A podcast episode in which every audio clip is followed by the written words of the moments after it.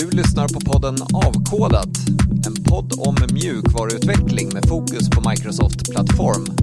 Av och med oss på Active Solution.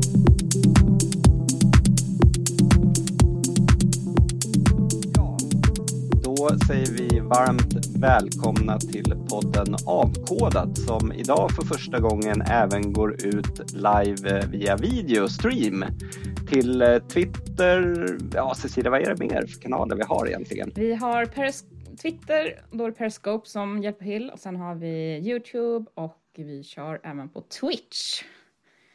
Ja. Så får vi se om det är någon som tittar eller om det är bara någon som lyssnar.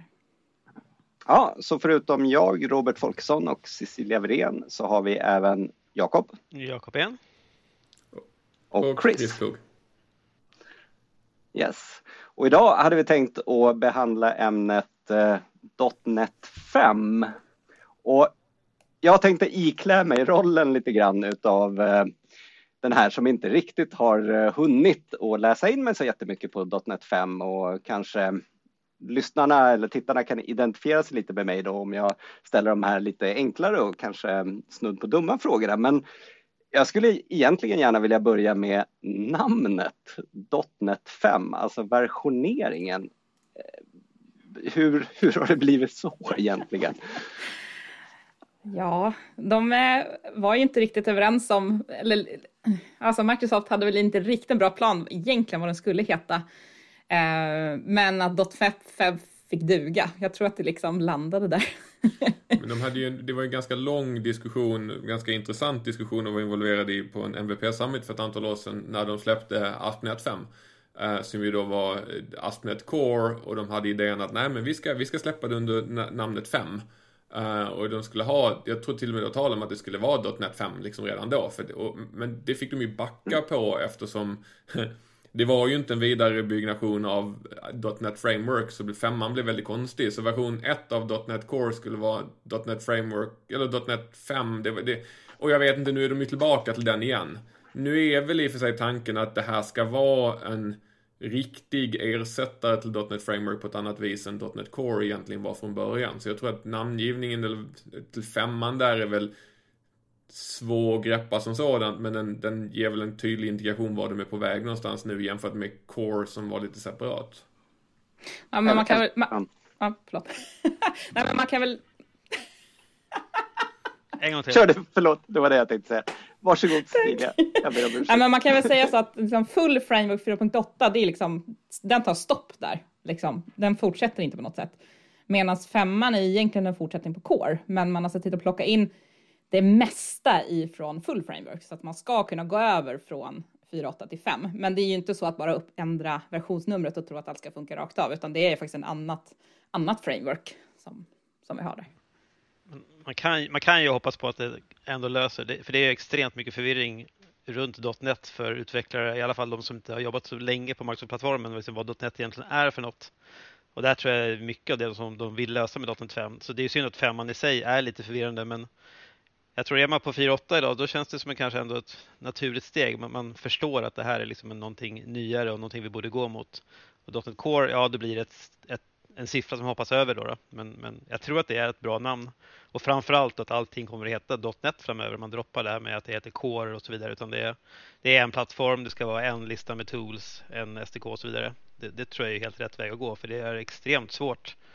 Vi har sett en del olika bloggposts runt det här, hur förvirrande hela ekosystemet har blivit runt .NET och .NET Core, tyvärr. Och .NET standard. Och .NET standard, precis. Men .NET standard kommer finnas kvar, eller? .NET standard kommer finnas kvar eh, li, lite grann om man ska vara helt ärlig som en legacy-pryl. Eh, jag, jag läste på lite grann nu, Immo som har varit drivande bakom det från Microsoft eh, skrev en jättebra bloggpost om det. Och, och jag har pratat mycket med honom om .NET standard. Och ja, .NET standard 2.0 och 2.1 finns fortfarande kvar. Och behöver man skriva kod som går att delas mellan .NET Framework-applikationer och .NET 5 så måste man stanna kvar och, och supporta eh, .NET standard 2.0 för jag tror inte 2.1 är fullt stött ut.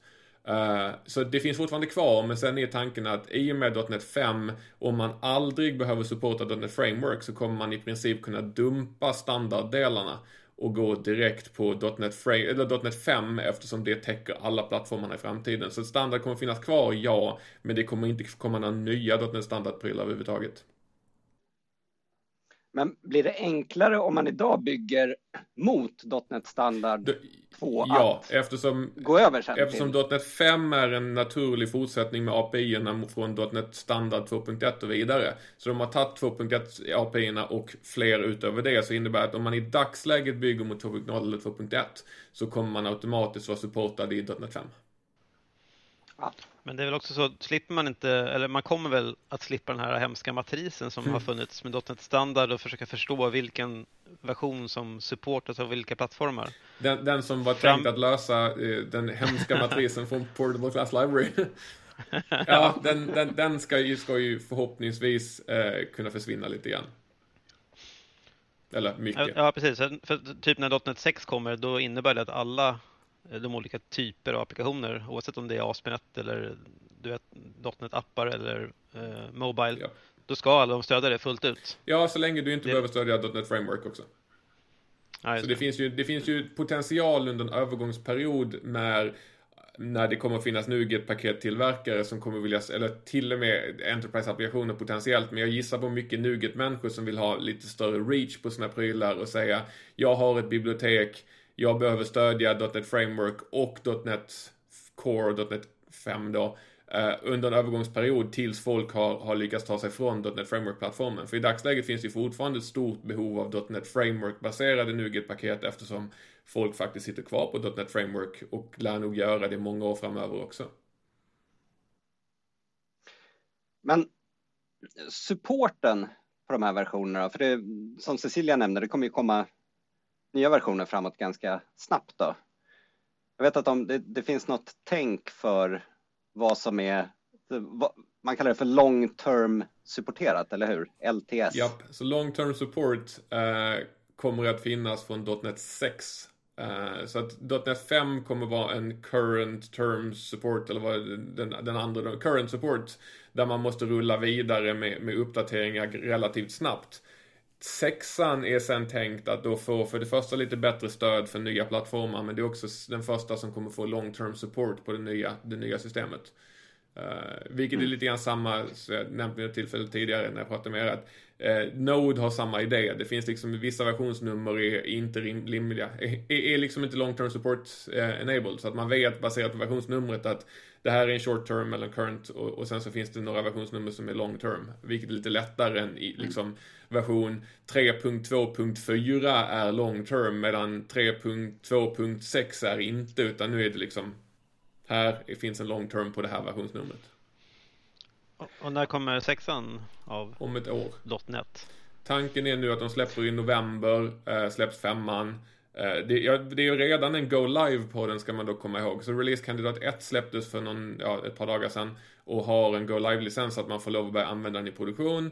Och sen så kommer den full release i november och sen så ska den släppa en ny version varje år. Så nu är tanken att de, man kommer ha fem det här året, det kommer vara sex nästa år och så sju året efter. Så att eh, re, releasekadensen på själva ramverket blev mer stabil. Men samtidigt ska man komma ihåg att till skillnad från .NET Framework så är ju själva appmodellerna löskopplade från frameworket. Vilket innebär att det Tidigare kunde man ju bara releasa en ny version av ASP.NET Core, ASP.NET till exempel tillsammans med frameworket och det innebär att med en långsam kadens på .NET Framework så var det en långsam kadens på, på ASP.NET också. Medan nu är ju de frikopplade NuGet-paket, vilket innebär att man kommer fortfarande kunna utveckla och vidare bygga dem på ett snabbare vis utan frameworket uppdateras.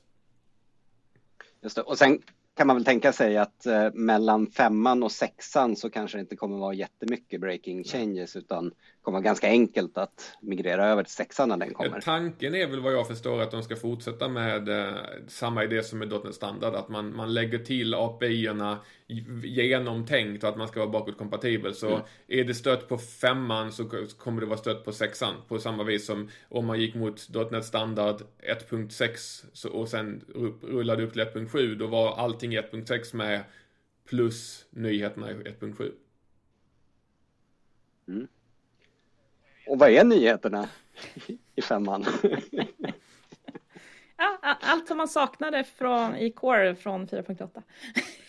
Ja, det är ju, Nästan. Det är, det är ganska tråkigt för det är ganska lite saker som man så känner åh, det här vill jag hugga tag i och testa. För det kommer väldigt lite nya features som jag ska vara helt ärlig. Ja, man får C-sharp 9, vilket ju är ballt. Många, många intressanta prylar där som, som man nu ska titta på. Eh, men i övrigt så är ju fokus på .NET 5 att slå ihop de olika plattformarna så att det ska vara samma Mm. Ett .NET Framework för Unity och för Xamarin och för Desktop och för server och på Linux och på Mac och så vidare. Um, det är väl den stora ändringen. Jag måste erkänna efter att ha tittat runt lite grann och tittat på vad som kommer. Det är ju inte så att jag, det fanns någonting som jag kände att oj, det här måste jag sätta mig ner och testa. Det, det är liksom, ja, kul.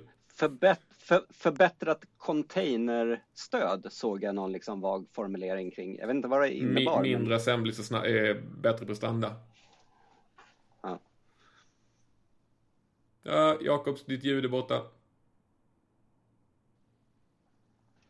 Eller hörs så. väldigt dåligt. Nu är han tillbaka. Nu. nu. Ah, sorry. Ja, precis. Det, de har väl jobbat mycket med att få container-imagerna att uh, bli mindre. Även tror jag .NET mm. Framework mm. Uh, framöver. Windows-container är ju väldigt stora.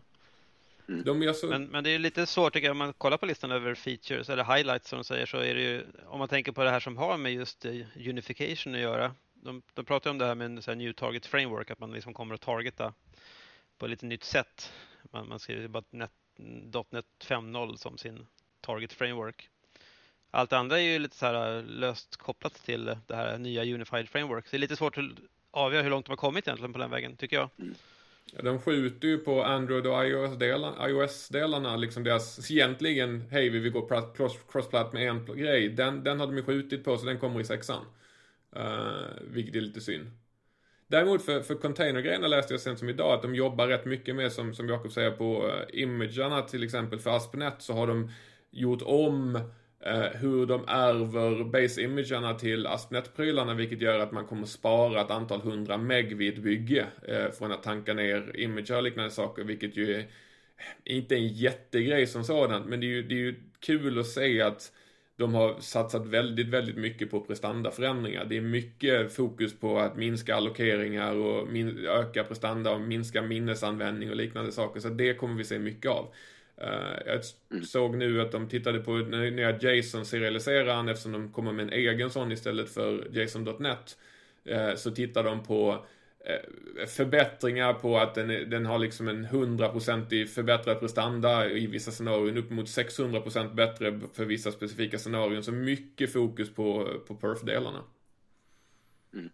Och en sån sak som just för den slår ju väldigt mycket eftersom den mm. används överallt. Yes. Så det är coolt. Ja.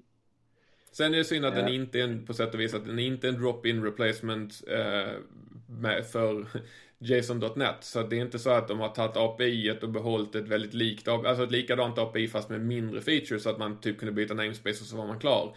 Utan den har tyvärr ett nytt API också vilket ger dem bättre möjligheter på prestanda grejer men det gör ju att det blir ett ytterligare ett API att lära sig tyvärr. Mm. Har han varit involverad, vad heter han, Newton, Newton King. King i, han, han jobbar väl på Microsoft? Ja, han anställdes för ett tag sedan. Um, han har inte jobbat med nya JSON-plattformen. Jag, jag har faktiskt frågat honom vid något tillfälle för jag trodde att det var ganska naturligt att han tog den, den rollen. Det har han inte gjort. Han jobbar med gRPC-delarna i dagsläget. Så jag tror inte att han har någon input på JSON-prylarna alls. Nu har jag inte pratat med James på jättelänge. Uh, men sist var det i alla fall så när jag pratade med honom kanske är less på Jason. Lite grann så gissningsvis. klar, klar med det. Nu är det binär, binär serialisering. Det hade han tidigare. Saken är att Jason.net, det glömmer ofta, de stödjer, Jason.net stöder Beson också. Binary Serialization Object Notation. Ja. Uh, som, som finns där. Jag, vet, jag har aldrig hört någon som använder det. Men ja. Men, in, men inte Protobuf? Nej, det är inte Protobuf. Det är någon, någon annan grej.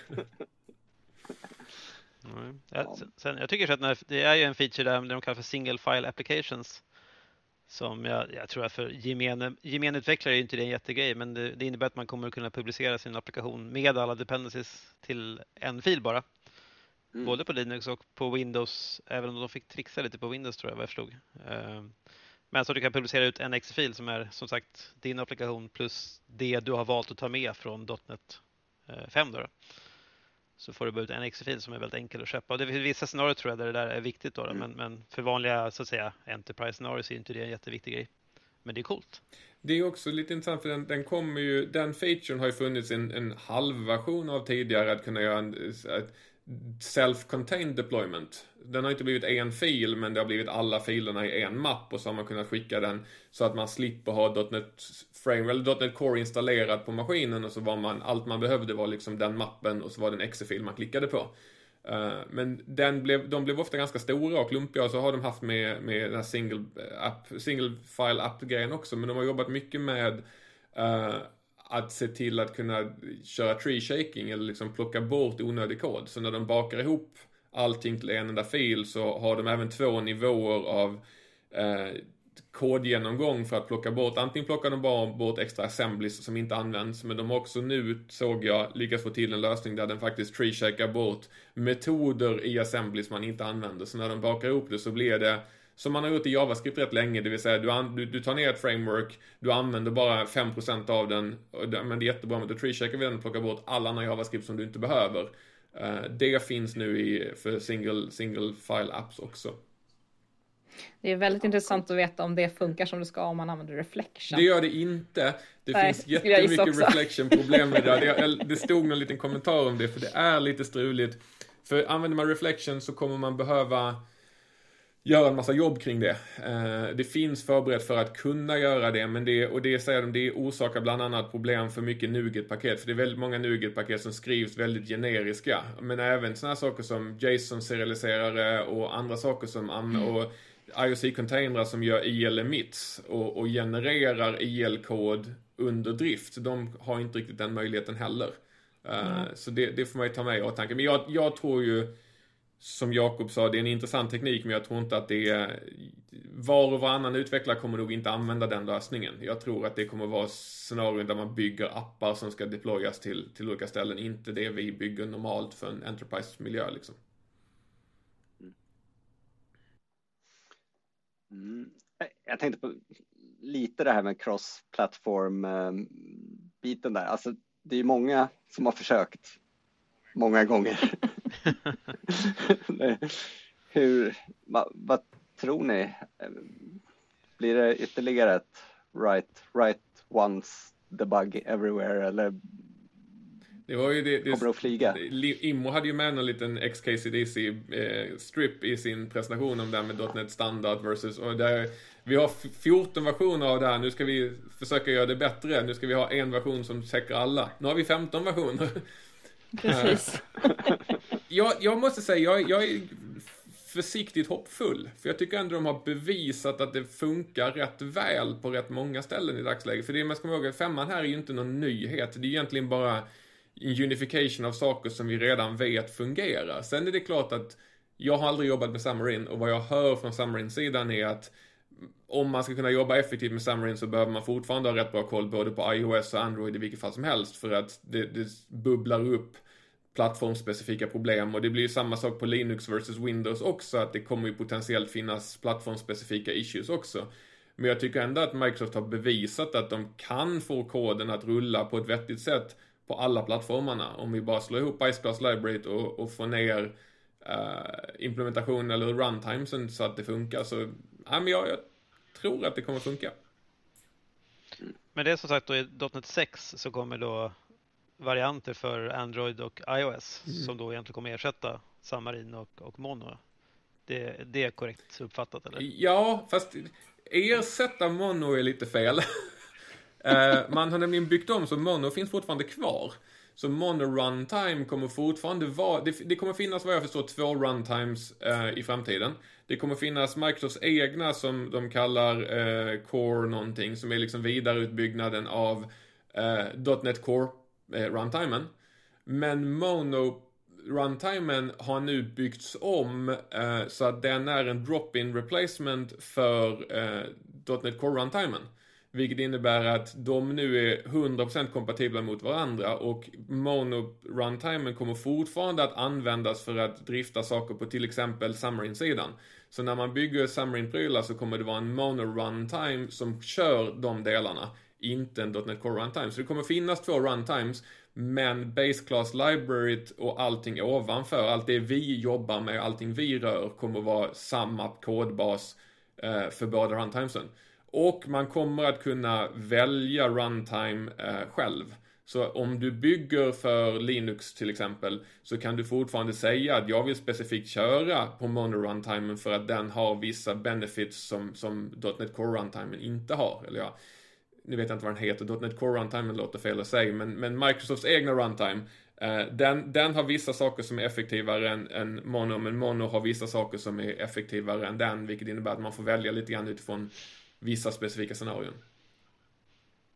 Men, men det är väl så, jag tror en viktig grej här ska ju bli att det blir en och samma kodbas. Så att eh, man inte längre har de här två olika. Inte för runtimen. Var det. Det är ett steg ovanför runtimen okay. vad jag förstår. Alltså, så som jag läste ah, okay. på det och tittade på det så är det runtimesen kommer att finnas två för att man för att få det att funka på iOS-plattformen och lite sådana saker så är mono-plattformen eller mono-runtimen bättre.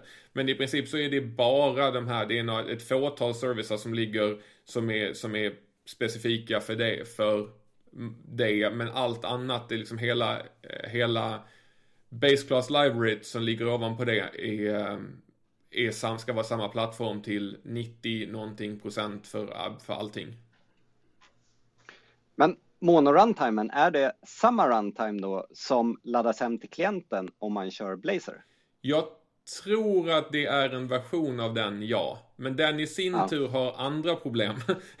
Så det finns en, det finns en, man har ju något som heter TFM, eh, Target Framework Moniker, som är den här vil, va, vilket framework ska du köra på? I dagsläget så finns det ju Netcore App 3.0, 3.1, det finns NetStandard 2.0 och så vidare.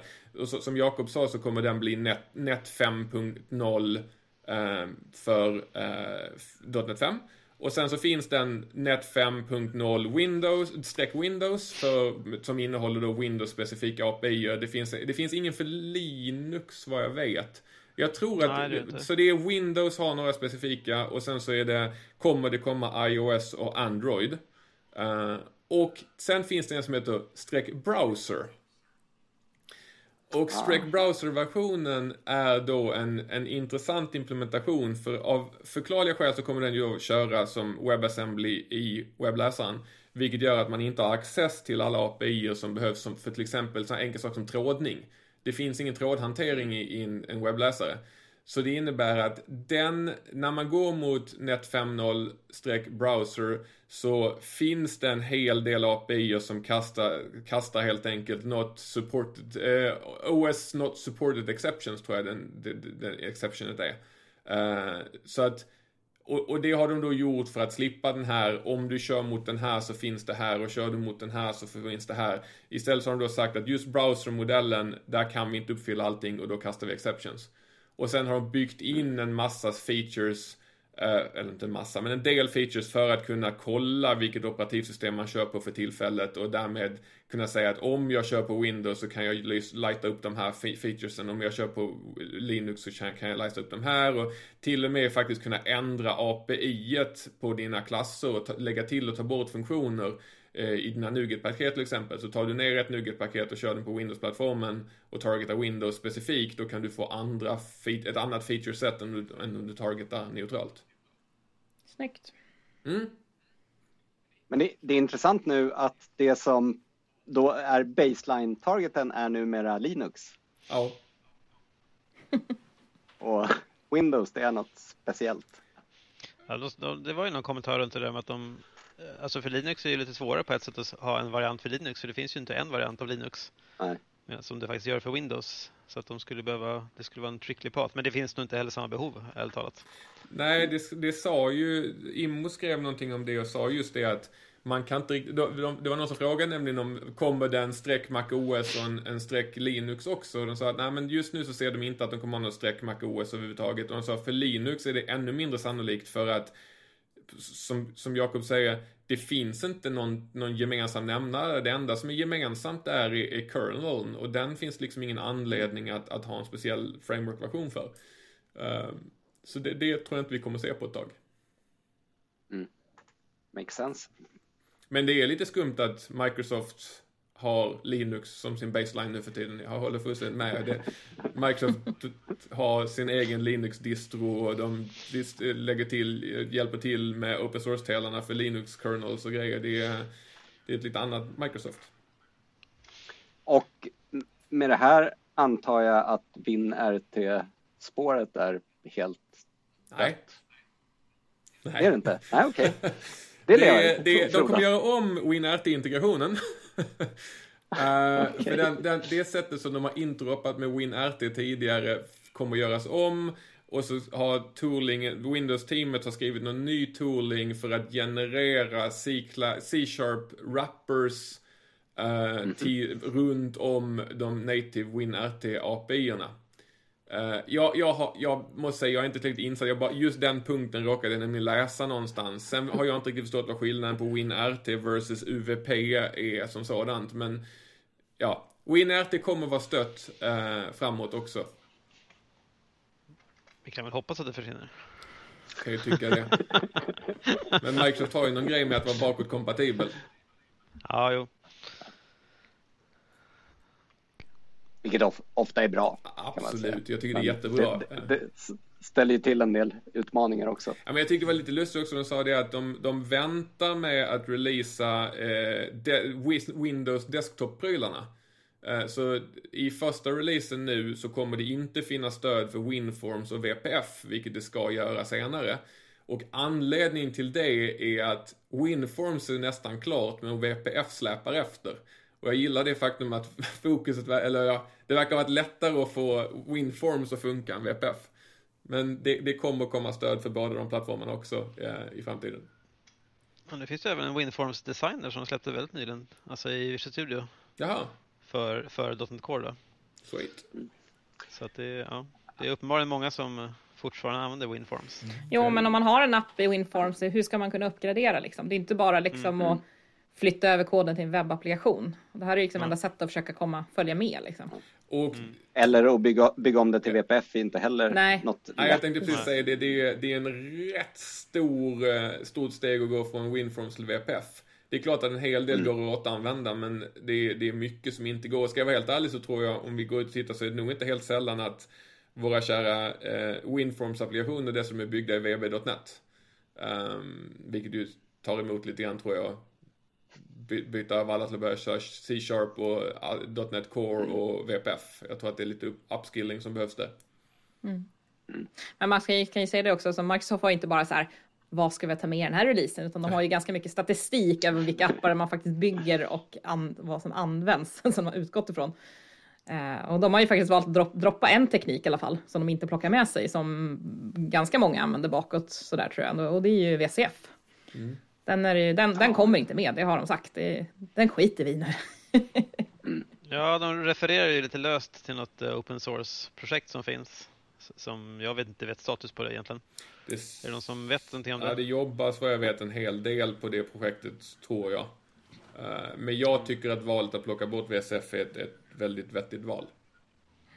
Och det är som du säger, Och då är det G- GRPC som gäller Ja framåt. Ja, precis. Det, men precis som Jakob sa, det finns ju, de har ju brutit loss och gjort en open source på VSF på något sätt. Och eh, vi har väl några bekanta som är involverade där. Men eh, ah, jag, jag tror inte så mycket på det, utan det kommer vara många som försöker använda det och sen så kommer det säkert vara saker som inte funkar. Kan säkert bli skitbra, men det brukar inte bli så bra när det är så stort. Så då är det ju, då är det ju vad heter det, GRPC. Jag tycker inte om förkortningen, den är jobbig. Nej, Som, och det, det är väl den som Microsoft själva egentligen pekar på i första hand att gå över till när man ska uppgradera sin VSF. Ja, och det är, jag, jag tror, jag, min, personliga prediction på VSF-delarna är att de kommer att fallera. Uh, jättetråkigt att säga, men, men saken är att det är ett extremt flexibelt och stort ramverk att porta över.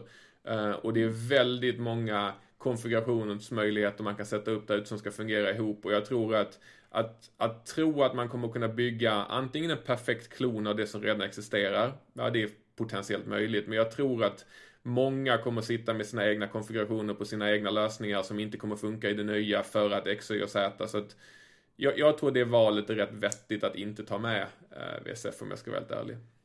Sen är det som Cecilia säger, det är läskigt mycket statistik hos Microsoft. Eh, jag har haft en annan konversation med, med diverse människor, inklusive Scott Hunter hos Microsoft många gånger.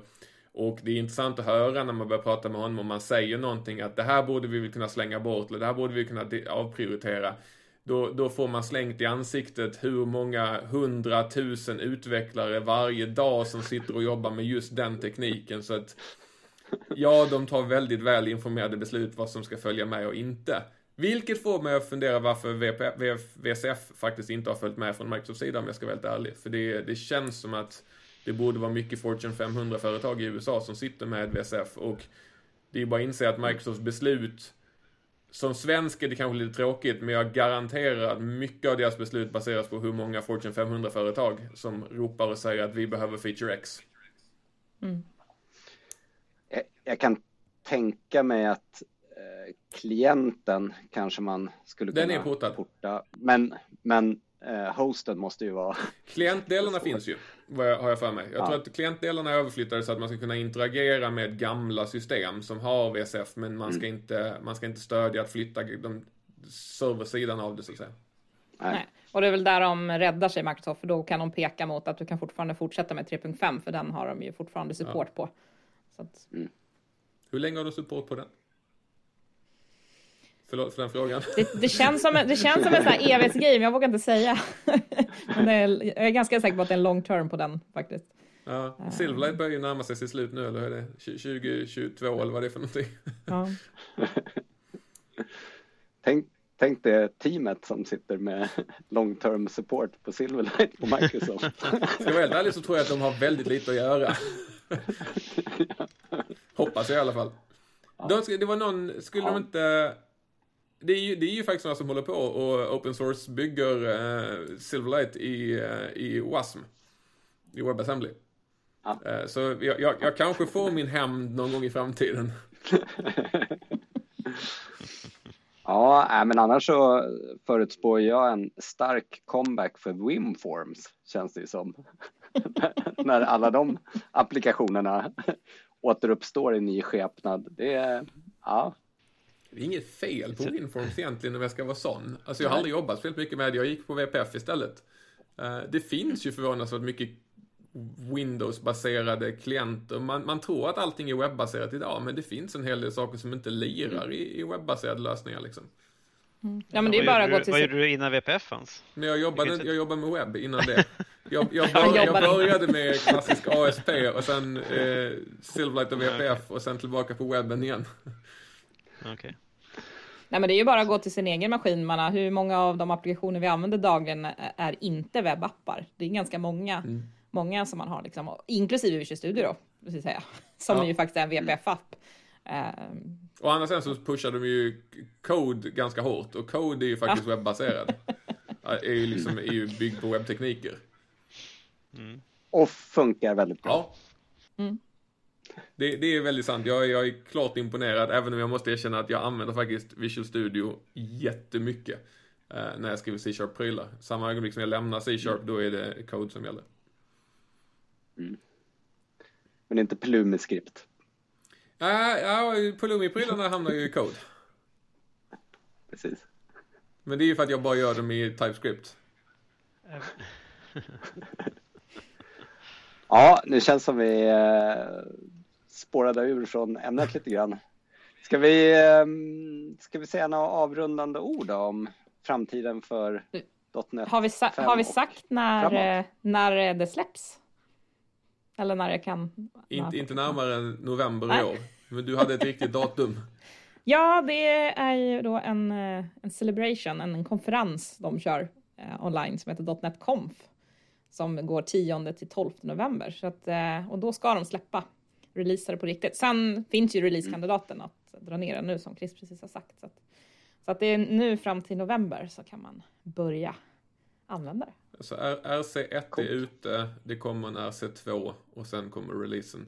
Men som sagt var, med Go Live-licens så vill man sätta igång och vara lite bleeding edge så kan man ju deploya sina RC1-versioner redan idag.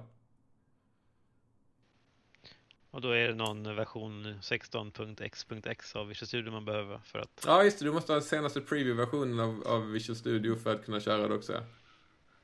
Precis. Ja, Det hoppas Men- jag att det är en temporär grej, för den här grejen med att man var tvungen till, man måste ha en specifik Visual Studio-version för att kunna köra en viss version av .NET Framework hade man ju tidigare. Det hoppas jag att det inte är någonting vi ska tillbaka till, att helt enkelt preview-delen i dagsläget bara är på grund av att toolingen som följer med är annorlunda eller något liknande. Och att det inte... Men är det en, en side-by-side installation med Ja. Man har, All, all, alla preview-grejer från Visual Studio ska vara side by side i dagsläget. Cool. Ska vara inom Right. air quotes. Nej, men det är, alltså jag har ju kört det några gånger. Jag, jag har i alla fall inte märkt några större problem med har. Man kan ju dessutom installera två vanliga Visual Studio-versioner också på side by side om man, om man bara skulle vilja liksom. Mm. Spännande. Ska vi ehm, säga att det här lär väl vara ett ämne vi får återkomma till kanske? Får köra en uppföljning sen när det är släppt och Så blev det. se. Så blev det, precis. Ja. Ja, precis. Sen när vi kommer igång med lite mer konkreta projekt på det. när jag ska svälja att jag har sagt att VSF-projektet kommer att fejla. Ja. Ehm, Men ehm, ska vi ta och runda av med, med de orden att Chris kanske kommer få svälja att VSF open source implementation kommer fejla och eh, tacka för att ni har lyssnat eller kanske till och med tittat. Det här var ju första gången som vi körde en livesändning på, med videostream också. Så eh, ni får gärna hojta till och ge oss feedback om ni tycker att vi ska fortsätta med det eller om det räcker med att höra våra vackra stämmor som eh, du alltid kan hämta hem på avkodat.se.